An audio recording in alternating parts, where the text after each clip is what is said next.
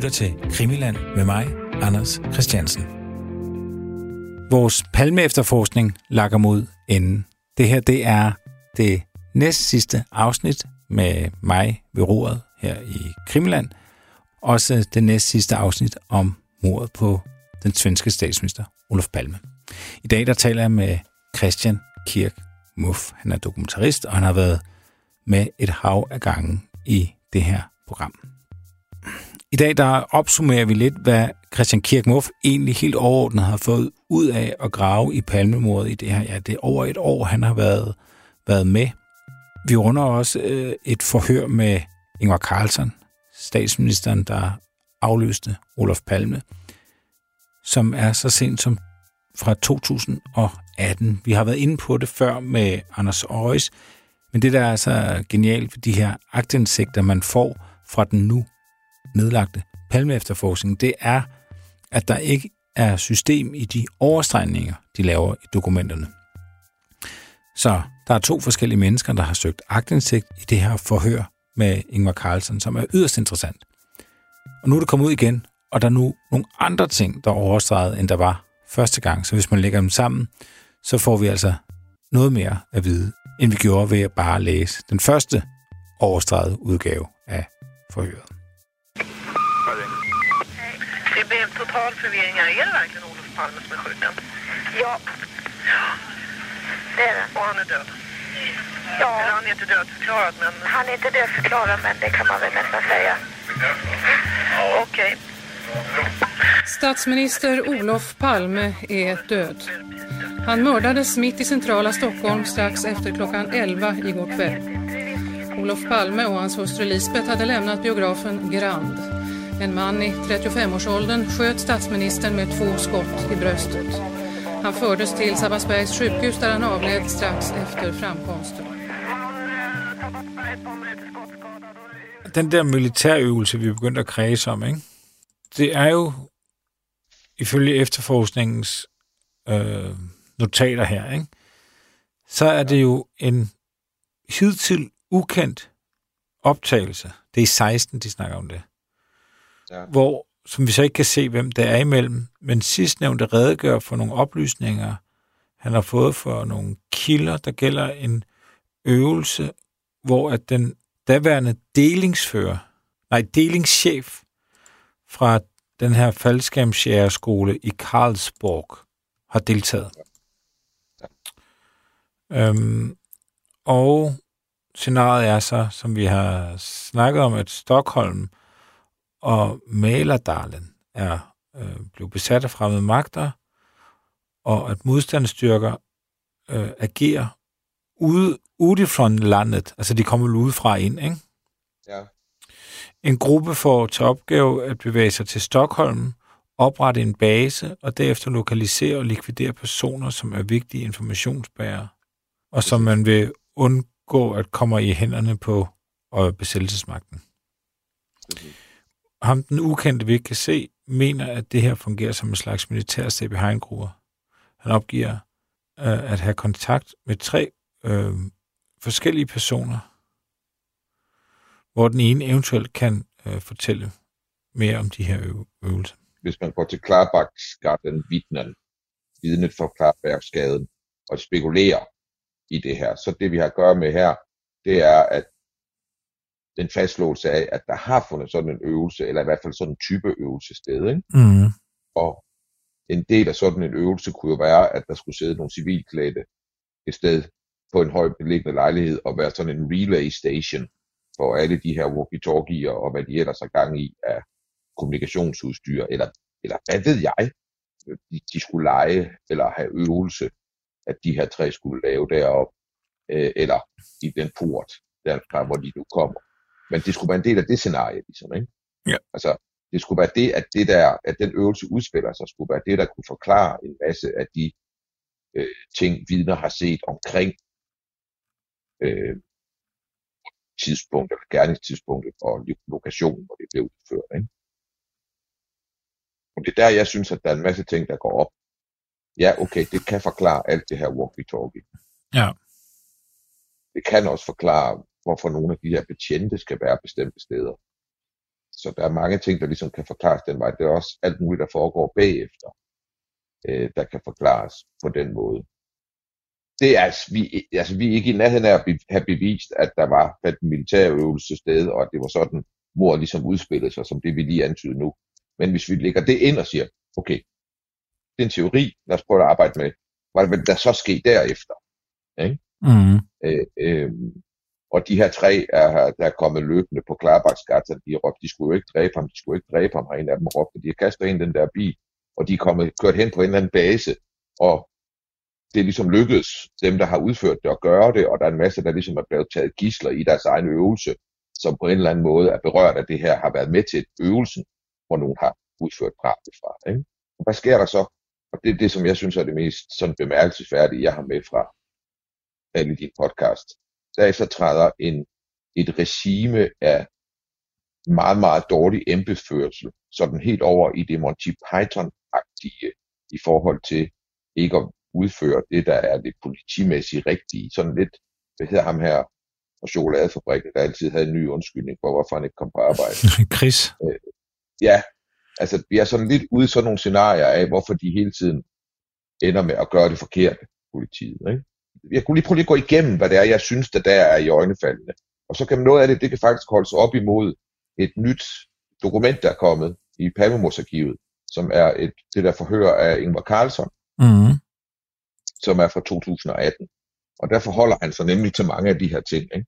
Men altså, noget af det, der er slående, når man kigger på, hvad der sker efter han er dræbt, det er jo, at der er total handlingslammethed i hele ledelsen i, i hver, der ligesom skulle på det, der burde være trænet til præcis det her, ikke? altså politiet og militæret for eksempel. Ikke?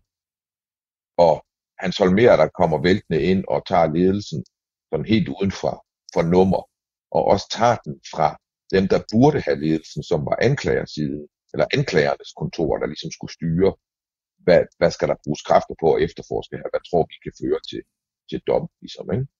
Ja. Øh, de bliver fuldstændig tilsidesat. Og det forklarer Ingvar Carlsen. Øh, i, det bliver han spurgt ind til i det her interview. Øh, og, og så siger han, jamen altså, han var super populær.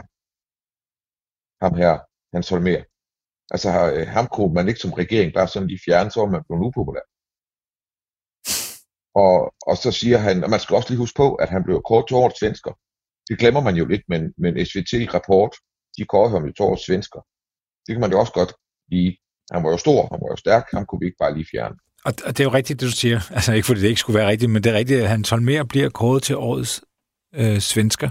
En, øh, en afstemning, de faktisk øh, jo øh, øh, ligger i graven, øh, blandt andet fordi de i 1998 øh, kårer Ebbe Carlson til årets svensker. Øh, vel at mærke inden Ebbe Carlson-affæren.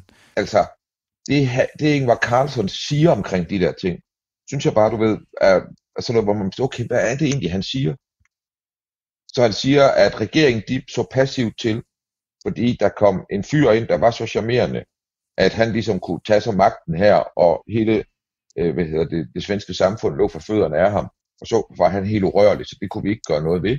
Og så siger han for øvrigt, husk lige, at han blev kort til årets svensker i en kåring, som to år senere er ligesom ved at gøde jorden til, at Ebbe Carlsen skulle være et unikum og noget helt fantastisk, hvorefter han jo så uheldigvis knækker nakken, uheldigvis for dem, der har givet ham den her pris, og hvor jeg bare, uden at køre nøje af på noget som helst, men jeg får sådan en lille Nordkorea-følelse af, at der er nogen, der styrer sådan SVT og rapport, og hvem de kårer til hvad, fordi det virker som sådan noget, er sådan lidt systemet, der hylder systemet. Ikke? Mm. Øh, hvis jeg må tilføje noget, så i øh, 84 er det jo den svenske finansminister, Karl Olof Feldt, øh, som bliver årets svensker. Også usædvanligt, at finansminister kan blive, altså, det, det er svært ja. at forestille sig i dag. Det, det virker som et meget styret samfund, når man går ind igennem Palmemors døren ind til det svenske samfund, der er i 86. Ikke? Mm. Mere end jeg vil tro. Så ligger det hele stille i et år. Så kommer hans ulvebro ind. Så giver han den fuld gas på amfetamin, kokain, vodka, galning i forstederne, der ligesom er taget ind og har slået ham her ihjel, og har sluppet afsted med det i alle de år. og den holder de fast i i 10 år i en efterforskning, hvor det, men det er nu kommet frem, at politiet forsøgte jo at bestikke vidnerne, har ændret i rapporterne for ligesom at sandsynliggøre, at de havde en sag mod Ingvar Carlsen. En sag, som de nægtede at give op. De blev ved med indtil de, var det 98, de endelig fik nej for højesteret, mm. om at han nogensinde kunne blive anklaget for det der igen. Ikke? Jo. Så sker der faktisk ingenting i 17 år derefter. Altså, frem til Christoph Petersen kommer til, så sker der faktisk ikke noget. Øh, de fleste af medarbejderne bliver brugt til øh, at identificere tsunami lige i den periode. Ikke? Og så kommer Christoph Petersen ind, og så hedder det lige pludselig Stay Behind, som Ingvar Carlsen bliver spurgt rigtig meget ind til i det her interview fra 2018. Ja. Militærsport, hvor øh, de diskuterer åbent, at Palme og Social Socialdemokrater kendte til, at der var de her tanker omkring Palme som landsforræder, og at det var rodfæstet hos nogen i politiet og i militæret. Og, og de snakker om ham som klasseforræder. De ja. forholder Ingvar Carlson, at der er foregået aktiv desinformation fra politiets side og fra politikers side. Det, det, er, øh, det er virkelig et vildt interview, de har med ham. Ja. Øh, altså, de snakker jo om Stay Behind, altså som noget også han kender til. Ja. Øh, altså, det er jo noget andet, jeg synes har været helt påfaldende ved de her, vi har lavet sammen. Det er, øh, hvor meget hele det her Stay Behind er, er noget, som selv ikke politiet ved, hvad er, og selv ikke, selv kan, og ikke kan komme ind i. Men man kan virkelig se, at det er noget, Christa Petersen har brugt mange kræfter på i ja. de senere år. Ikke? Altså det, det fylder rigtig meget også i Ingvar Carlsen forhørt. Man skal lige huske på, det er ikke sådan en ting, man bare lige gør og sende betjente hen og interviewe øh, den tidligere statsminister øh, på den her måde. Altså det er ikke sådan noget, man bare lige tager beslutning om som, som øh, anklager. Det er svært at forestille sig, at der er siddet to efterforskere på kontoret og lige kigget lidt og sige, om vi har stadig nogle timer inden for i aften. Skal vi lige køre forbi Ingvar Carlsen og lige snakke med ham om Stay Behind? Sådan er det ikke forud. Og, men, men noget af det, der er interessant, er, at Carlson, Ingvar Carlsen ligesom nægter, uden man forstår, hvorfor han nægter det. Men han nægter, at øh, forestillingen om landsforræderen Olof Palme, at den har slået rod i Socialdemokratiet. Mm. Det står nævnt som en konkret ting, han ligesom bliver forholdt. Øh, øh, og som, men vi har kun nægtelsen i hvert fald, ellers så skulle hans benægtelse af det, det skulle komme lidt ud af det blå. Ikke? Ja. Øh, men, men, men ud af det fremgår jo også, at, at de har spurgt ind til det, ikke? og det, det synes jeg er, øh, det er jo lige på, ikke? altså han er jo chef for partiet, og den del, der får magten, hvis han bliver dræbt. Ikke? Ja. Og så bliver det meget konkret, at de forholder ham øh, øh, sammenhæng med politiloven, om politiets stalling i krig. Øh, det her med, at politiet skulle arbejde, eller skulle ikke gå ind, være en del af forsvaret i hvert fald.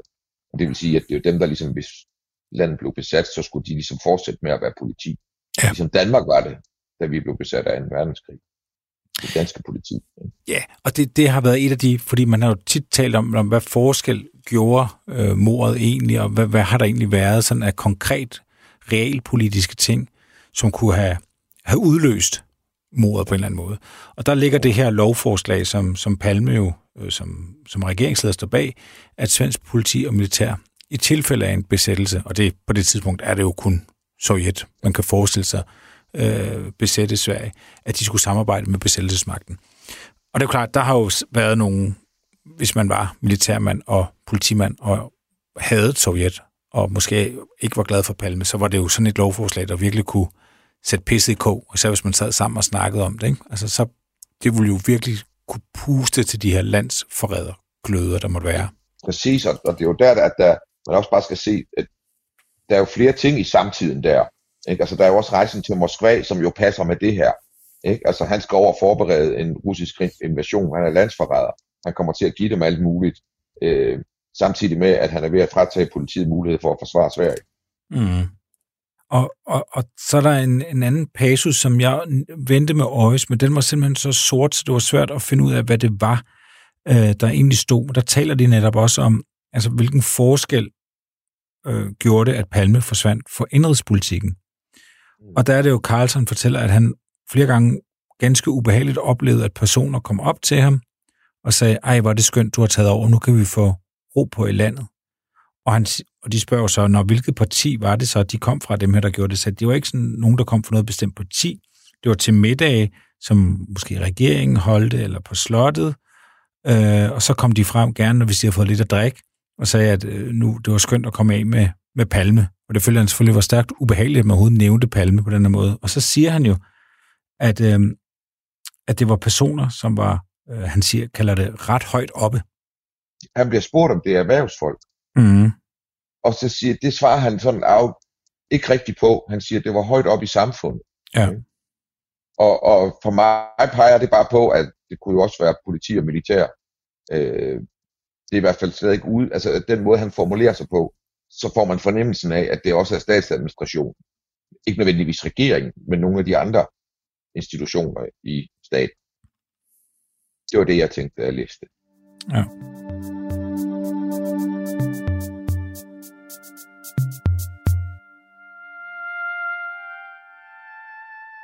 I mørklægningen af Gunnar Wahl, der bliver det jo mere end antydet, at, at Ingvar Carlsson er vidne om og bagmanden bag Ebbe Carlsson-affæren.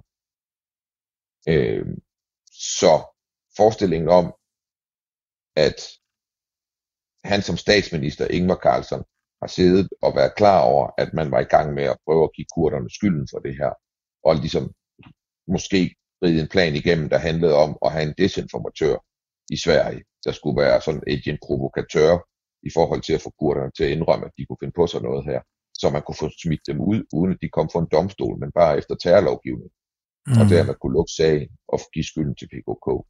Altså, den, det er mere en antydelse, i hvert fald, og som han fremstiller fakta, øh, Gunnar Wahl i den glimrende bog Mørklægning, så er det i hvert fald svært at forestille sig, at Ingvar Carlsson, som det hele forløber, ikke er klar over det, og at justitsminister og ledende øh, øh, som, hvad hedder det, departementchefer osv., øh, at de er klar over, at det her det foregår, det, det fremstår helt tydeligt, synes jeg. Og nu sidder han og, og i det her interview og fortæller, at han ikke har noget med noget at gøre, og ikke kendte til noget som helst, og, og han kan slet ikke huske det der med den der politilovgivning, og der blev ændret og så videre. Han forsøger også, du ved, at undlade at svare på alt muligt, hvorefter de så faktisk meget, synes jeg, pænt øh, kompetent, og for første gang sådan lidt aggressivt i nogle af de interviews, vi læser, forsøger sådan lidt at få ham til at, at indrømme, at han ved mere, end han ved. Ikke? Der er flere gange, hvor han siger, at han ikke kan huske, og så minder de ham på noget, og så kan han godt huske alligevel. Ja.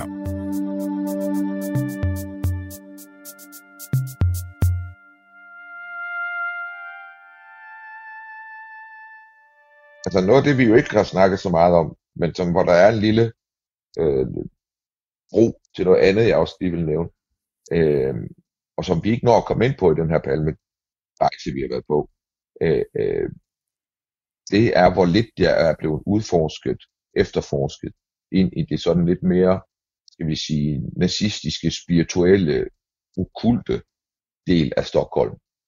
Øh, den med loger og hemmelige selskaber og foreninger og, og så videre. Øh, fordi det synes jeg, det er en del, som vi har, der har været snakket lidt om i forbindelse med Palmemordet, men hvor der faktisk er endnu en lue ind til sådan et skjult Sverige, yeah. øh, som, som er hele det der meget, meget mystiske, åndelige, spirituelle verden, hvor mange af de her, ja, nogle deciderede nazister, og så sådan varierende i intensitet på højrefløjen, øh, de mødes. Det er virkelig, øh, det er virkelig mystisk. Ja, og der, der må vi jo med det samme sige, at der, der, det er jo især øh, ham, Jonas Nyman, øh, ja. som, øh, som også er ham, der egentlig er en af de drivende kræfter bag det her, den her samling af agtindsigter, som vi også øh, forstår, bruger stor nytte af, altså som bliver samlet i et fremragende Excel-ark, hvor man kan få alle de her dokumenter, der kommer ud. Der, der sidder en, en driftig svensker, der hedder Jonas Nyman egentlig, og er administrator på det. Og så har han jo også øh, selvfølgelig privatspawner øh, selv, og en dygtig en af slagsen. Og han har jo samlet det her øh, spor omkring Svedenborg-kirken, som vi ikke rigtig har snakket om i, i, i vores øh, programmer. Nej, øhm, men som er yderst interessant.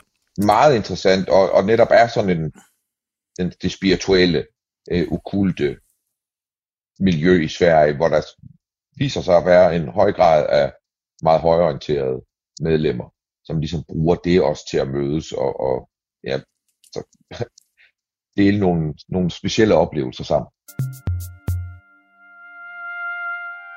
Emanuel Swedenborg var sådan en svensk mystiker, som havde nogle visioner, som faldt inden for rammerne af sådan protestantisk kristelig øh, logik. Og, og, øh, og der opstår så nogle følgere efter ham, øh, og han har efterladt sig en masse, masse skriverier, som fører til en, øh, det, der hedder Swedenborg-kirken, som findes i, de er meget stærke i, eller der findes en stærk Swedenborg-kirke i San Francisco i USA, men det findes også nogle steder i Afrika, men frem for alt i Sverige. Ja. Øh, og og øh, dem, der kan huske riget af Lars von Trier, kan huske, at Drysse, da hun dør, bliver fanget i det Swedenborgske rum, ja. som ligesom er sådan et rum, et venteværelse til død. Ja. Og der mødes i uh, Sverige, i, i Sand Kirke, der mødes der et uh, hemmeligt selskab, som uh, i Sve, en af Swedenborg-kirkerne i Stockholm, som Jonas Nyman der har, har interesseret sig for, som jeg interesserer mig for, uh, og, og hvor de laver nogle pænt obskure ting sammen, og hvor øh, persongalleriet er en og meget kulør. Blandt andet en svensk filminstruktør, som har lavet en film, der hedder En grum historie, som efter sine skulle være forlægget til Kill Bill, øh, Tarantinos Kill Bill. Der er i hvert fald mange visuelle øh, og også, story, øh, også historieelementer, som, som er de samme mellem de to film. Øh. Øh, så det er, det er et meget udknaldet sted. Der er dommer med, og øh, en politimester, og så videre. Og, og, øh, og de mødes altså i det her spirituelle, hvor de laver seancer og frem, forsøger at fremmane ånder, og så videre. Og øh, Anders Larsen. Og så er Anders Larsen der, og Bo Reiner Stål, og, og sådanne personager. Øh, så vi har også et, hvis man skal prøve at forstå noget omkring de her folk, som advarer omkring Palmemord, så er det vigtigt at prøve at forstå det sociogram, som den viden, når de får den viden og advarer om palmemord, hvor, hvordan er den så tilflyttet dem? Og det kan et sociogram hjælpe med at få en til at forstå. Og hvis man laver sådan et, så kan man fra de her, og det er ikke bare i Svend, hvor man også andre kirker og ukulte selskaber, der kan du øh, forbinde nogen af, altså du kan forbinde politisporet med landsforræder, militærspor osv. osv. Det, der er interessant ved den her Swedenborg-kirke-teori, det er, at den samler nu en masse personer, som vi har snakket om i de her programmer, men som hvor man ikke har kunne finde noget naturligt, øh, altså noget naturligt tilhørsforhold. Altså hvorfor skulle de på en eller anden måde høre sammen? Altså Anders ja. Larsen får øh, viden om, at der er et attentat på vej mod Olof Palme. Det mener han. Og det får han, siger han selv, via ham her, Bo Stål, som har den her antikvar øh, øh, boghandel, som, som netop har sådan noget religiøs og, og mystisk litteratur. Ja. De to ja. kender hinanden, blandt andet for den her Swedenborg-kirken. Så er der en fyr, øh, som øh, vi kan kalde P, PSM. Han, øh, han, øh, han er jo med i den her kulturforening, øh, som udsender det her radiohørespil som vi har talt så meget om, der bliver sendt om formiddagen på en, øh, på en lokal radio i Stockholm, der handler om, at øh, han måste bort, han måste bort, det her, som også bliver set som et, et forvarsel for, for Palmes øh, død. Og så er der jo også altså, militærfolk og, og så videre og så videre i, i den her forening, blandt andet. Øh, der er meget mere i den, men det, det er sådan det grove træk, der gør, at den her teori er jo mega interessant, fordi den lige pludselig forbinder nogle folk.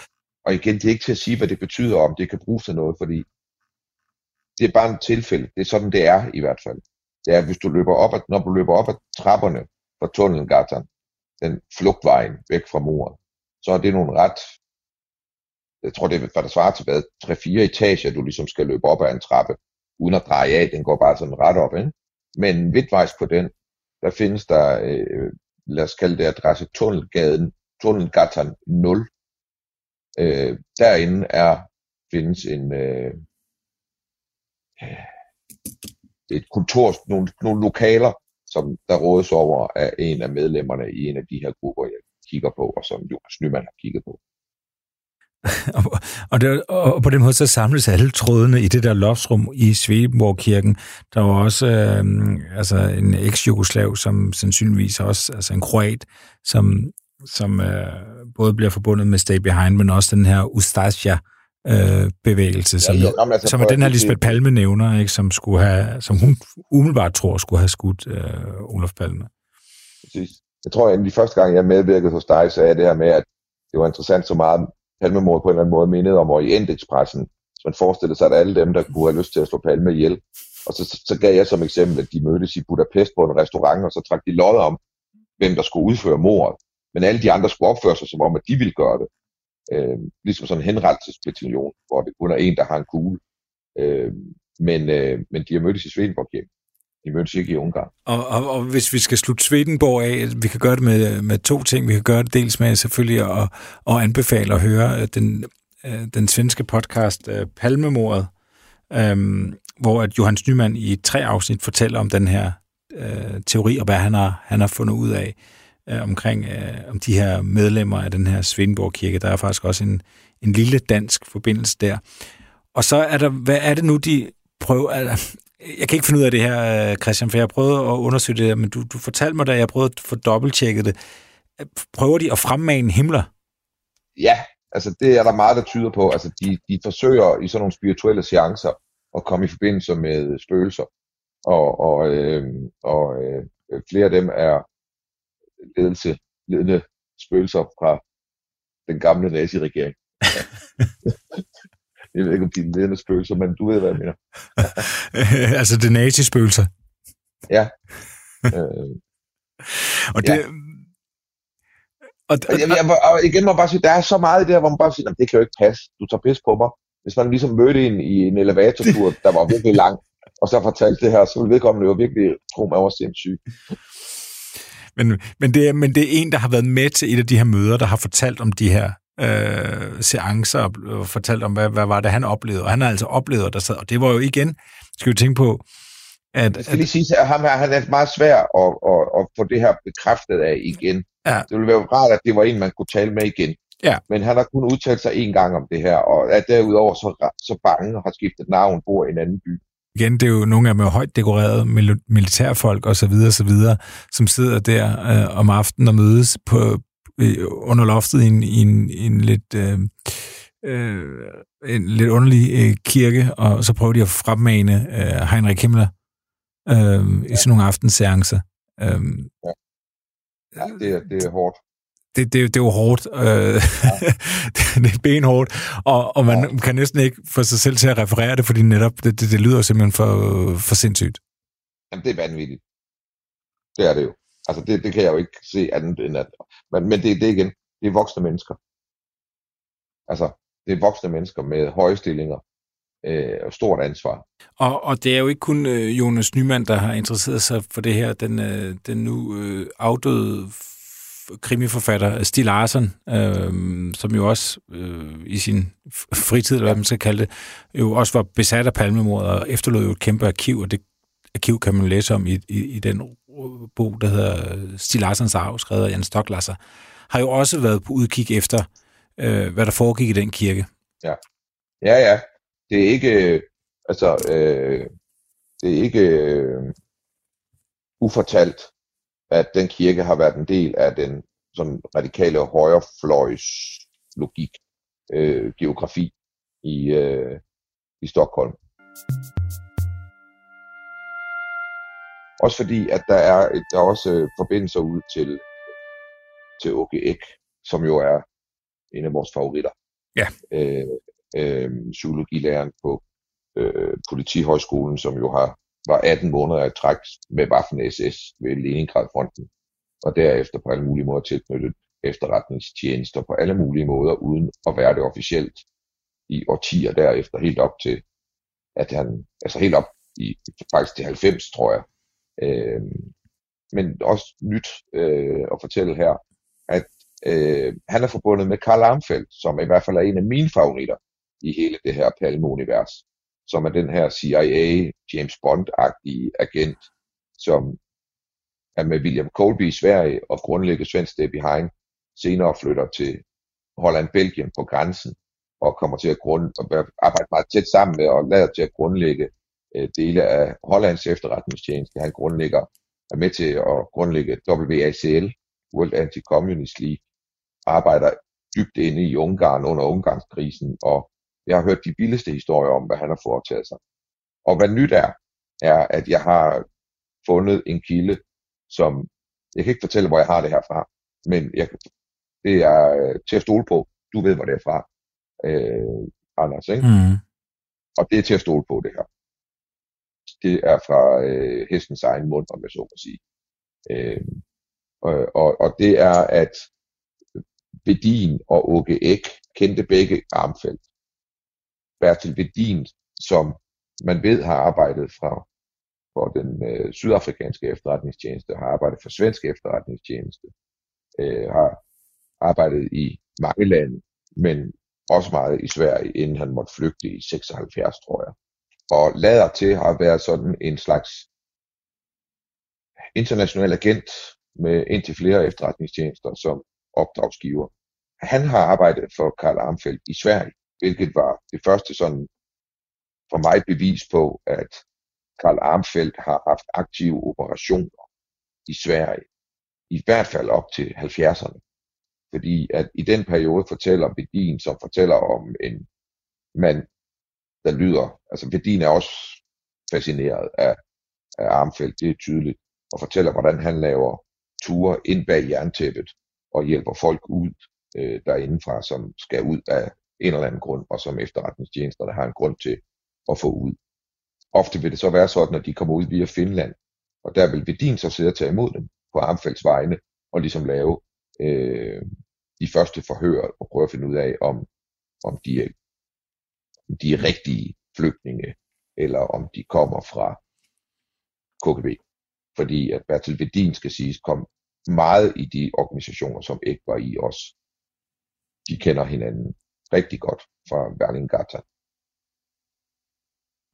Så der er sådan en, en treenighed imellem Vedin, Åke Ek og Karl Amfeldt her. De kender hinanden på kryds og tværs. Og vi har jo selvfølgelig været lidt inde på det, og det er jo øh, vildt fascinerende, at, at du jo på et tidspunkt jo trækker tråde øh, tilbage til, øh, øh til Svirfronten, øh, hvor OGEK, OGEK var jo Finlands frivillig, altså kæmpede ja. for ja. finderne øh, mod Rusland under, under 2. Ja. verdenskrig. Og, og med, altså med nazisterne. Men, men, men CIA finder jo også ud af, at de bedste til at bekæmpe rødrusserne øh, jo oftest vil være øh, nazister. Altså din findes fjende øh, argumentet, ikke? De har lige brugt, de har lige sat hele livet ind på at slå kommunismen ihjel.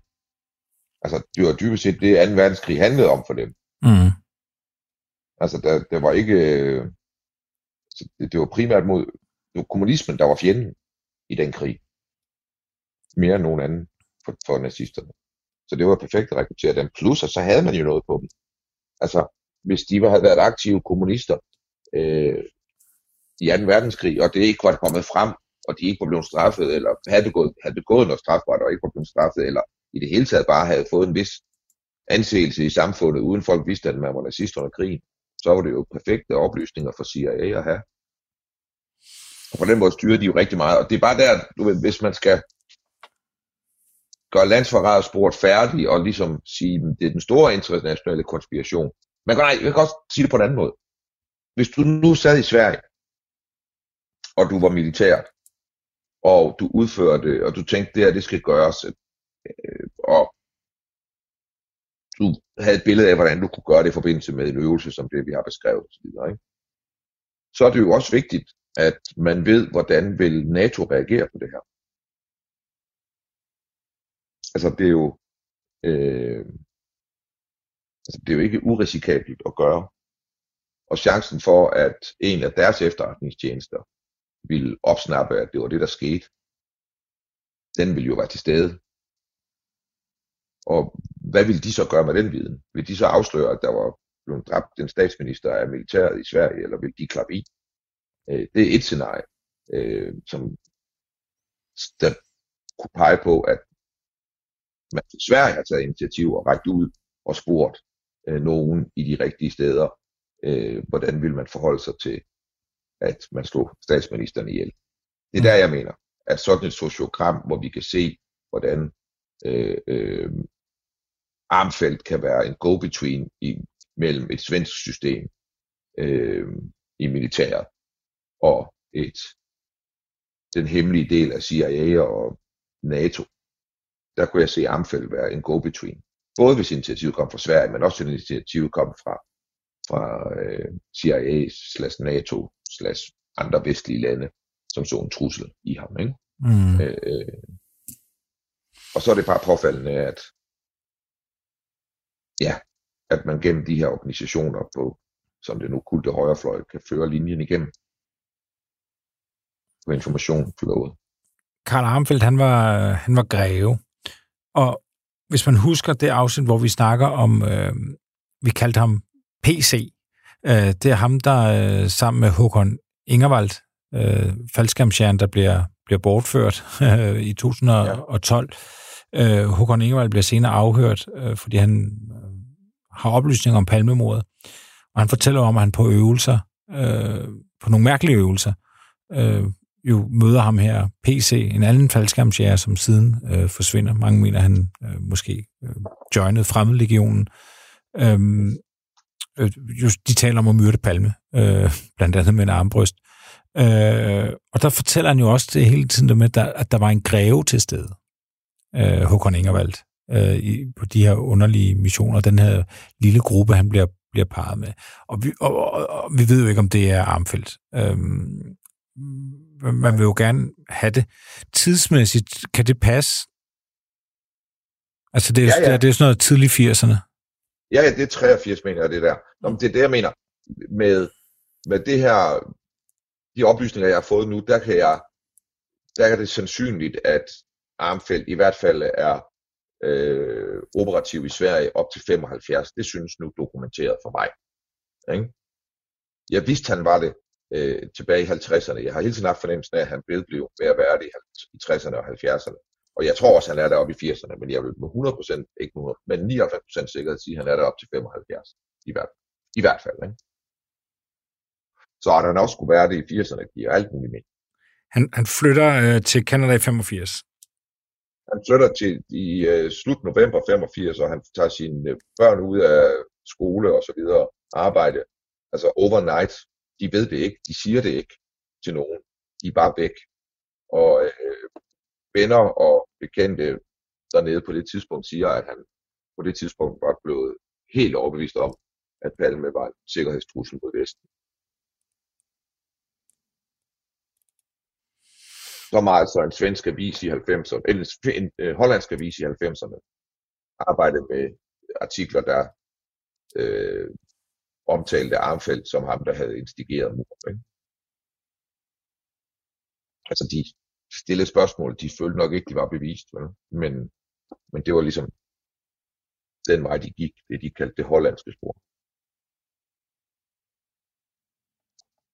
Det interessante ved det, der er nu, at, at der findes, altså det, det, det, det, problemet med det er, at det er en, det er en, det er en pæn lang kæde, så på den måde, så kunne man godt finde den på en eller anden måde. Ikke? Ja, fordi, den, øh, fordi den, den handler også om uh, lige pludselig om den der cruise-fly hed 61, fly hed 66, 66 som ja. er den her. Jo, men det var, det, det, det, det er også op ved den finske grænse, de opererer jo. Præcis. Nå, men jeg var mere sådan ved, du ved, at sige, hvad handler det hele om her? Det hele handler om at prøve fra det her øh, univers med armfelt og, og, og sådan øh, agenter og, og øh, mærkelige foreninger og øh, CIA-forbindelser, forbindelser til efterretningstjenesten, forbindelsen til militæret, øh, hvor, hvor alt det ligesom mødes og fører ned på sværvæggen. Øh, og, og, og der er der jo stadigvæk et stykke. Altså, øh, det vides, at der er en samhørighed omkring nogle af de her betjente, der er der øh, i et netværk, der kan stilles op og sandsynliggøres øh, meget overbevisende for store dele, og andre dele sådan lidt, ja, det må man regne med har været et netværk, eller de har også været en del af netværket. Men, men, men derfra kan der så faktisk nu også føres over i det her, via det her mere okulte meget højorienterede spirituelle miljø i Sverige, spiritistiske miljø i Sverige. Øh, der, der kan det knytte sammen over til, til militæret og til CIA-forbindelser og ja, alt muligt godt. Øh, ja. ja. ja, men, men, du har, men du har ret. Problemet er jo med den her, den her snak, det er jo netop det med, at kæden bliver så vildt stor og lang, og, og forgreningerne bliver så mange, ikke? Ja, ja. Det, det er problemet. Det er den store konspiration, vi har med at gøre her, øh, hvor der er rigtig mange, der ikke siger sandheden. Ikke fordi de behøver at kende den præcise sandhed, men de siger ikke det, som er en vedtagen virkelighed, der hvor de arbejder og opererer. Øh, altså, der er jo mange med på den øvelse, militærøvelse, vi siger skulle være, skulle være dækket for mordet. Ikke? De skal bagefter tige stille om, at de har været med på den øvelse. Øh, det kan jeg godt tro, de er trænet til det.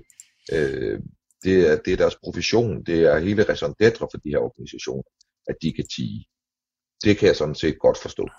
Øh, men oven på dem, der ligger der altså også et administrations- og et politisk lag, og så ligger der et politilag bagefter, øh, hvor det, det er det er lidt underligt, at der ikke er nogen, der har gået tur at stå frem på en eller anden måde og fortælle straight up, hvad, hvad man oplevede, hvis man var betjent og ikke, og ikke fik lov at køre med det, der var naturligt. Øh, eller at hvad hvis man sad og var i militæret, og man ikke var en del af det der, men man var den hjemme på basen, der viste, at øvelsen foregik, og, og man synes faktisk, at det var rigtig skidt, at det her det var sket.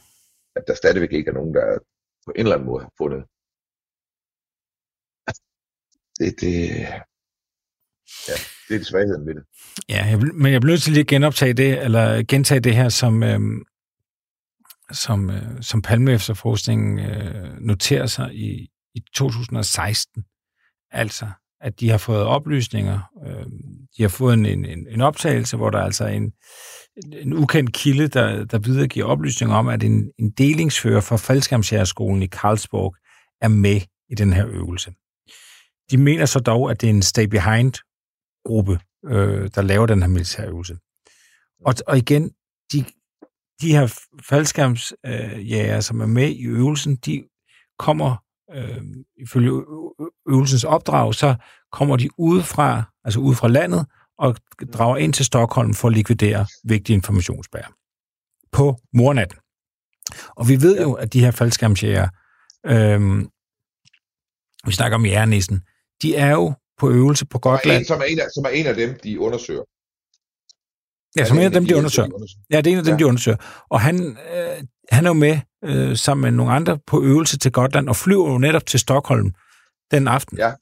Tidligt ja. om aftenen. Yes. Øh, og, og der er det jo så lige pludselig, at det bliver meget tæt på Sverige, eller, at vi er i hvert fald i Stockholm, og der er i hvert fald et eller andet mærkeligt, der går... Er, altså, hvad, what are the fuck...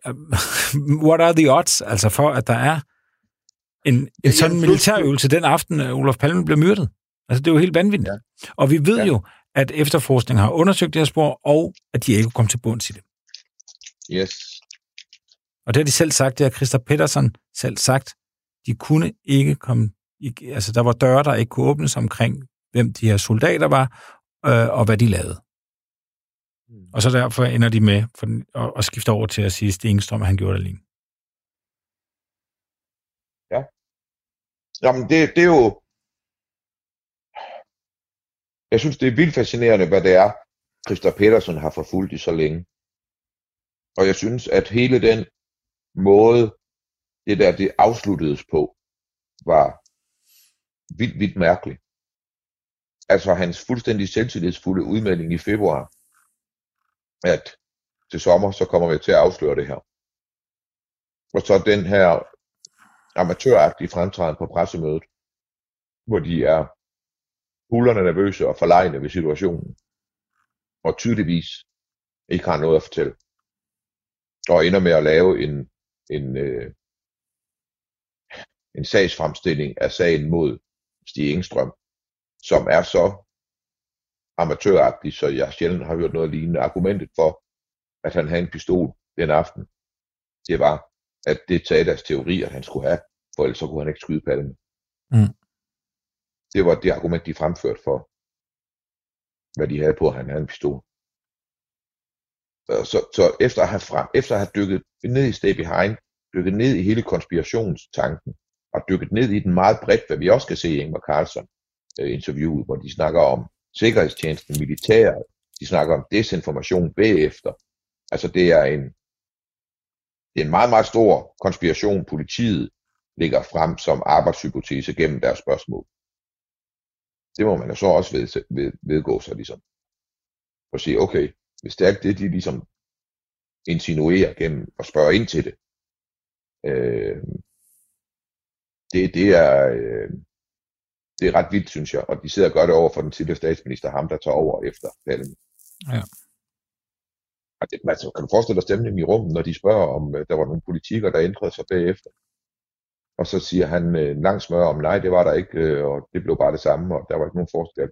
Og så spørger de ind til den her politi, nye politilov, der skulle være trådt i kraft 1. juni, men som ikke trådte i kraft. Og så spørger de ind til den, og det kan han ikke huske noget om overhovedet. Så den ene ting, som ændrer sig, men som for lige nøjagtigt dem, vi kigger på, kan have været helt central som motivbillede også, og som udløser provokationen af, at det her det sker. Det endelige bevis for, at han var landsforræder. Det, det, det har han slet ikke noget at mene om, at han ligesom aflyste, at det skulle træde i kraft. Det synes jeg også, at det, det er, du ved, ja, det må have været en meget mærkelig stemning i det rum. Ja. Jamen altså, det er virkelig, og jeg, jeg, jeg synes her, at, at der er, maskningen er stor. Altså man sidder jo også og tænker, wow, hvor er der meget, man ikke må vide om, hvad han har, hvad han har vist eller tænkt omkring palmemor. Altså det er virkelig store dele af det, som er bare side efter side, der er bare helt mørklagt. Hvor man sidder og tænker, hvad er det vi som, hvad må man ikke i Sverige som befolkning få at vide omkring, hvad deres folkevalgte statsminister han har at sige om det her. Jeg kan godt forstå, at der er navne, man må strege over, eller enkelte meget personlige oplysninger, men det her, det er jo hele sider, der handler tydeligvis handler om, om øh, ja, teorier og motiver øh, i forhold til palmemor. Ja. Og vi kan se, at i den ene division, det er så meget sjovt, det der med, at der er kommet to forskellige maskninger. I den ene af dem, øh, hvor man så får noget andet at vide, men der er alt det her med, at de spørger ind til desinformation. Det er taget ud. Jamen, hvilket jo er vildt nok. Ikke? Altså, så, så der er nogen derinde, der, når de sidder med de der dokumenter, så tænker de, at befolkningen må ikke vide, at palme efterforskerne lige nu synes at sætte tydelige spor efter desinformation fra politiet og politikere helt op i nutiden. Det må befolkningen ikke vide. Det, det, jeg, jeg synes, det er, jeg, jeg synes, det er meget, meget mærkeligt, at, øh, at det bare foregår øh, i Sverige på den her måde.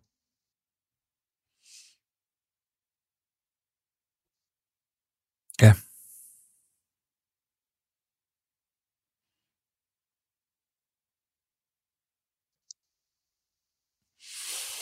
Og jeg synes, at, at øh, der hvor de er endt med Stig Engstrøm, øh, at det er, øh, det er virkelig helt ynkeligt. Altså sådan virkelig. Altså det de siger, det er, at foran os i 21, eller i 34 år, der er der stået en mand, som det tydeligvis er. Og vi har kendt til ham fra dag 1. Men vi troede, han var idiot. Vi tog ham aldrig helt alvorligt. Øh, bortset fra, at vi brugte ham til at dømme Christer Petersen øh, i, i byretten. Øh, ham siger vi nu der, uden at have noget motiv, uden at have nogen tilknytning til et våben, uden at det giver rigtig, rigtig logik i forhold til, hvordan vidneudsagnet er faldet. Det er meget mærkeligt. Ja, det er meget mærkeligt, og det er jo virkelig, altså når man så følger deres øhm, øh, deres referater her, øh, og der mødes de jo faktisk her i 18, der er de utrolig aktive, må, nærmest, ja, de mødes vel en, øh, en seks gange i løbet af det år, altså øh, efterforskningsgruppen og, og chefanklageren. Og det er jo nærmest fra det ene møde til det andet i løbet af en måned, øh, hvor de så lige pludselig øver skriver, at øh, Lisbeth Palme er død, skriver de. at Det konstateres. Øh, og så skriver de, at vi konstaterer nu mere og mere, at vi hælder mod, at øh, Stjengstrøm, hvis han og gerningsmanden har ageret på egen hånd. Mm. Og at Stay Behind og lignende grupperinger sandsynligvis ikke er indblandet. Punktum. Mm. Øh, og så gik det jo som, øh, øh, som vi ved, øh, det gik med, med efterforskningens øh, endeligt. Men det er, altså måneden før har de jo altså, arbejdet videre med, med, med det spor, og, og vil tale med forskellige stay behind folk og, og, så, og så videre. Og det er altså bare, ja, ja. Det, det er lige præcis en måned før. Men de så går med noget her, som, de går med noget her, som vi er, trods alt er kommet videre i, men hvor de ved, at der bliver kæmpet imod dem hele tiden i forhold til at få nye oplysninger, som er stay behind miljøet. Men hvor der også er motiv, evne, mulighed og et efterspil, der passer med pengene. Men hvor de, øh, hvor de så bare på et tidspunkt siger, nej, det kan vi ikke det her. Det opgiver vi på. Ja, og, og, det, er jo, og det er jo samme år, hvor de jo blandt andet øh, beslutter sig for at kontakte SAPO og, og MUST, altså Forsvarets efterretningstjeneste, for at, at se, om de kan forbedre øh, samarbejdet. Altså den her ydmygende kontakt, som ja. Peterson ja. Må, ja. må tage, og spørger ja, vi ikke nok. Som har, ja, som har været hele vejen igennem. Altså hele vejen igennem.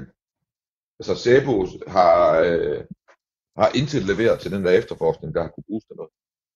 Det fremgår jo også af tidlige grænsningskommissionsrapporter, øh, hvor det fremgår helt tydeligt, at SEDU simpelthen har lavet så lidt som muligt og har forstået deres opgave som så lille som muligt.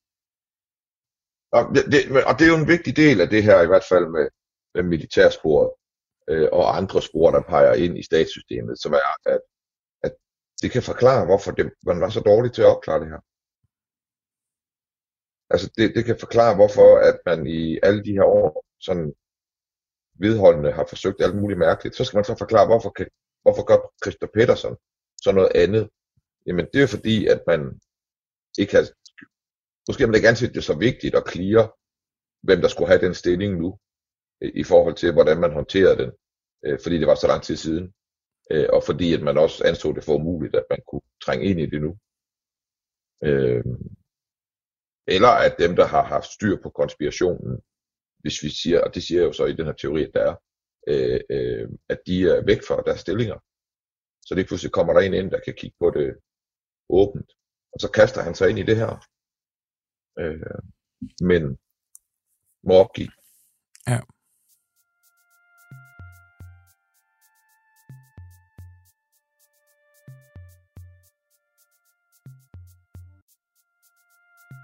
Det her, det var altså øh, dokumentarist Christian Kirkmuff, og det var altså næst sidste afsnit i øh, vores følgetong om mod på Olof Palme. Krimiland fortsætter, men det bliver altså med en, en anden vært end mig, og med nogle andre sager end mordet på Olof Palme.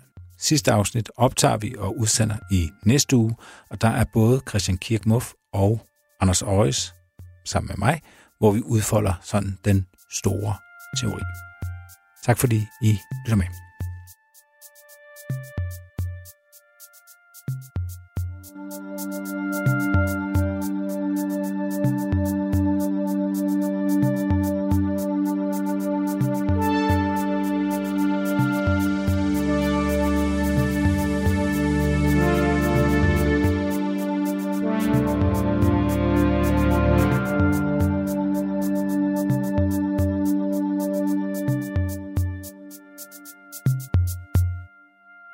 Programmet er produceret af Wingman Media for Radio 4.